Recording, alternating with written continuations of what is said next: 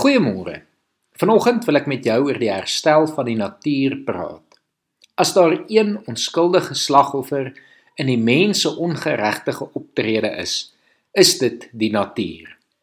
Die natuur wat misbruik en besoedel word, alles ter wille van die mens, die mens se gierigheid en onkunde. En so het die mens sy oorspronklike roeping en aanstelling om as God se verteenwoordiger op aarde te regeer en die skepping op te pas, totaal en al verlore laat raak. Maar het ek gevind dat dit tog diep in elke mens se wese leef. En wanneer iemand 'n gelowige word, kan hulle nie anders as om op 'n manier terug te keer na die wonderlike roeping om na die skepping van God om te sien nie.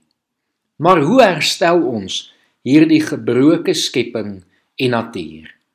Romeine 8 vers 19 tot 23 sê die skepping sien met gespanne verwagting daarna uit dat God bekend sal maak wie sy kinders is. Die skepping is immers nog aan verydeling onderworpe, nie uit eie keuse nie, maar omdat God dit daaraan onderwerp het. Daarby het hy die belofte van hoop gegee. Die skepping sal self ook bevry word van sy verslawing aan die verganklikheid om so tot die vryheid te kom van die heerlikheid waaraan die kinders van God deel sal hê. Ons weet dat die hele skepping tot nou toe sug in die pyne van verwagting. Die skepping is deur ons sondes aangetas. En alhoewel ons en die skepping die belofte het dat God die skepping sal herstel en sal verlos van die effekte van die menslike sondige natuur, kan ons nou al reeds deelneem aan die herstel van die natuur. Martin Luther het gesê: Selfs al weet hy die wederkoms vind môre plaas, sal hy steeds vandag 'n appelboom plant, 'n boom wat vir jare nie gaan vrugte dra nie. Hoekom was hy oortuig hiervan? Want hy het geweet dat God ons roep om nou al reeds te doen wat ons kan vir die skepping en om deel te neem aan die herstel van die natuur die laaste klomp jare is daar baie gestry oor wat nou eintlik die probleem en die sondebok is wat die skepping vernietig.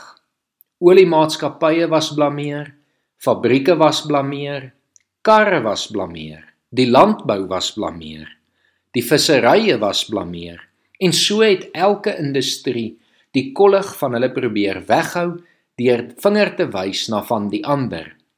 Die feit van die saak is dat dit alles met die mens te doen het.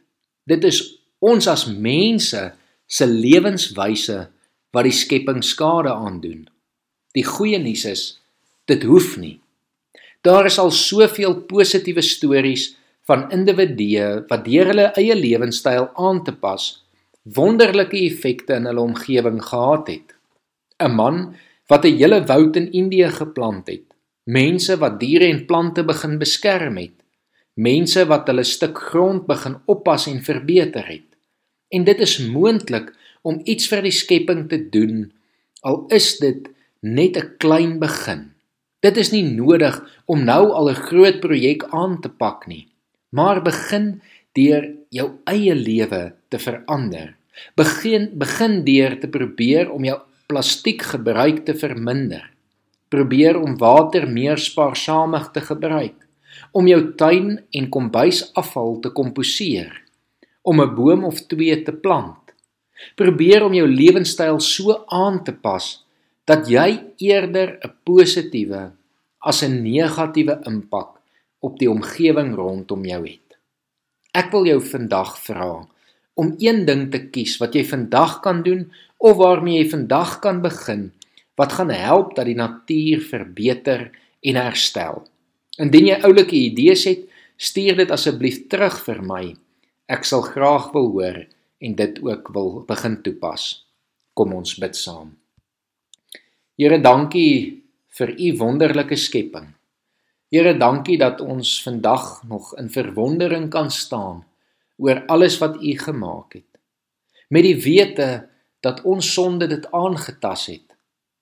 Here en dan kan ons nie anders as om te kom vra Here, ons wil probeer om dit te herstel. Ons wil so goed soos wat ons kan die roeping wat U in ons lewens geplaas het om as verteenwoordigers van U op te tree en hier op aarde die skepping op te pas. En daarom kom vra ons Here dat U ons sal help en dat U ons sal lei. Ons bid dit in Jesus se naam alleen. Amen.